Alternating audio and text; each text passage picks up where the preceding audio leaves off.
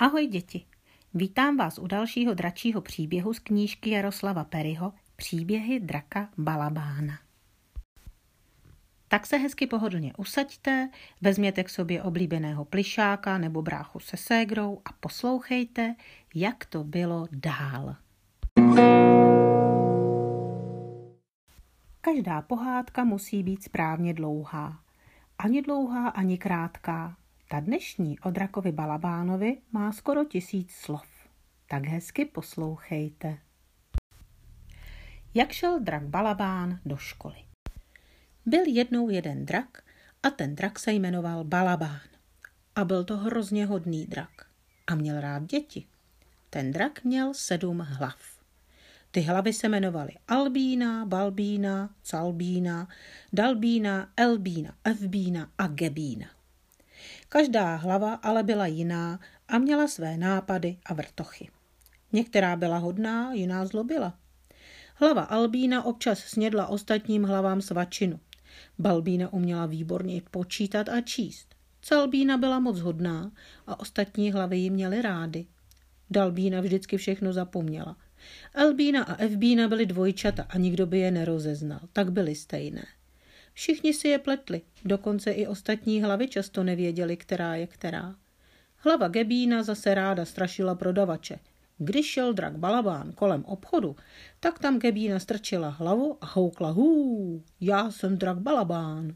A pan prodavač se většinou tak lek, až sebou sek. Drak Balabán si rád hrál s dětmi. Houpal je na svých hlavách a hlídal je, aby jim nikdo neubližoval. Na konci prázdnin ale začal být smutný. Děti se těšily do školy, chodili s maminkou a tatínkem nakupovat sešity, barevné pastelky a vůbec všechno, co do školy potřebovali. Na draka měli stále méně času. Ten jen smutně seděl na kraji lesa a houpal ocáskem. A už tady byl konec prázdnin a s ním i škola. Balabán ráno nešťastně koukal, jak jdou děti do školy. Tak rád by šel s nimi. Ale co pak mohou draci chodit do školy? No kdo to kdy viděl? Balabán zamával křídly, vyletěl nahoru a schoval se za školní komín. Jenom na chvíli, jenom aby se podíval, jak to v takové škole vypadá. Jak tam tak seděl, tak hlavy poslouchaly vyučování v jednotlivých třídách. Jenom hlava Albína na sluníčku usnula. Balbína poslouchala, jak v šesté C opakují velkou násobilku. Pan učitel Rákoská se ptal Pepíka Majerů, který v loni z počtů málem propadl a na vysvědčení měl čtyřku. Tak, jak se na tebe, Majere, dívám, tak ty si určitě přes prázdniny matematiku neotevřel, co? Prosím, to není pravda, já jsem si opakoval, povídá Pepík. Tak to hned uvidíme. Kolik je 14 krát 14? Hlava Balbína nakoukla oknem a pošeptala Pepíkovi. 196, ale zeptej se, kolik je 1330 krát 1330. Pepík se narovnal, zamyslel se a odpověděl. To je lehké, je to 196, ale víte, pane učiteli, z hlavy například, kolik je 1330 krát 1330? Pan učitel Rákoska přemýšlí, počítá, až se mu z uší kouří. Pepík je dobrák a nechce pana učitele nazlobit.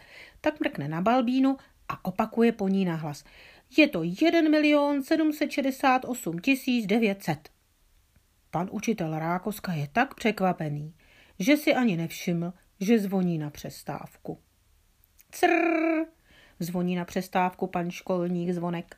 Ale to neměl dělat. Děti se rozeběhly po třídě a chodbách a na střeše se probudila hlava Albína.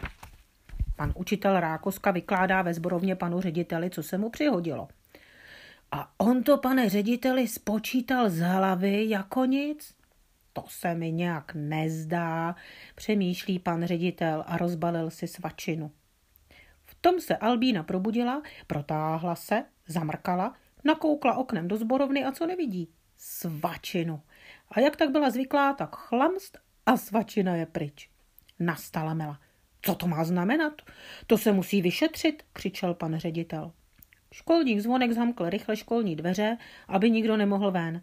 Nikoho ale nenapadlo, že venku je drak, který se už nemůže dočkat svých kamarádů, až přijdou ze školy a budou si zase hrát.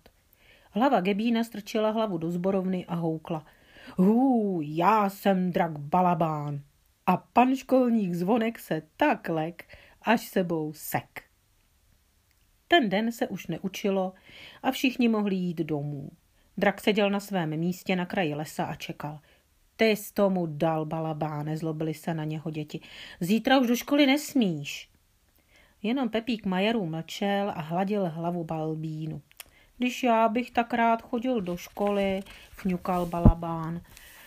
Tak to musíme nějak vymyslet, rozhodl se Pepík. Neboj, Balabáne, já na něco přijdu.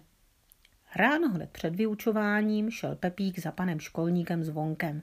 Všechno mu vysvětlil. No jo, já to všechno chápu, ale za prvé se drak nevejde do třídy a za druhé pan ředitel se stále zlobí, že mu hlava Albína snědla svačinu. Ale možná bych měl nápad. Kdyby Balabán seděl potichu v tělocvičně a vystrčil hlavy z okna, tak by slyšel vyučování ve všech třídách najednou. Mohl by se tak učit všechnu látku naraz a vychodil by školu za jeden rok.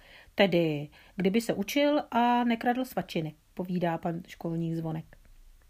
To je ono, radoval se Pepík Majer, jenomže pan zvonek se zase zamračil. Co ale uděláme s panem ředitelem? Snad kdyby trak škole s něčím pomohl, přemýšlel. Možná vytrhat pařezy na školní zahradě. Ale to je málo. A nebo už to mám. Umí drak balabán pouštět páru a oheň? Jasně, volal Pepík, to umí každý drak. Tak nám bude topit ve škole. Prostě jen občas foukne do kotle a ohřeje v zimě školu. A tak to opravdu domluvili. Pan ředitel byl rád, že je ve škole teplo a nemusí kupovat uhlí. Drak Balabán se dobře učil a za jeden rok školu dokončil. Pepíka Majarů naučila hlava Balbína matematiku tak dobře, že měl jedničku. A všichni byli rádi. Na začátku jsem vám nepopřála ani dobrý den, ani dobrou noc. A protože nevím, kdy se k poslechu pohádky dostanete, přeji vám teď dobrý den i dobrou noc dohromady. Mějte se krásně a brzy nashledanou u dalšího dračího příběhu.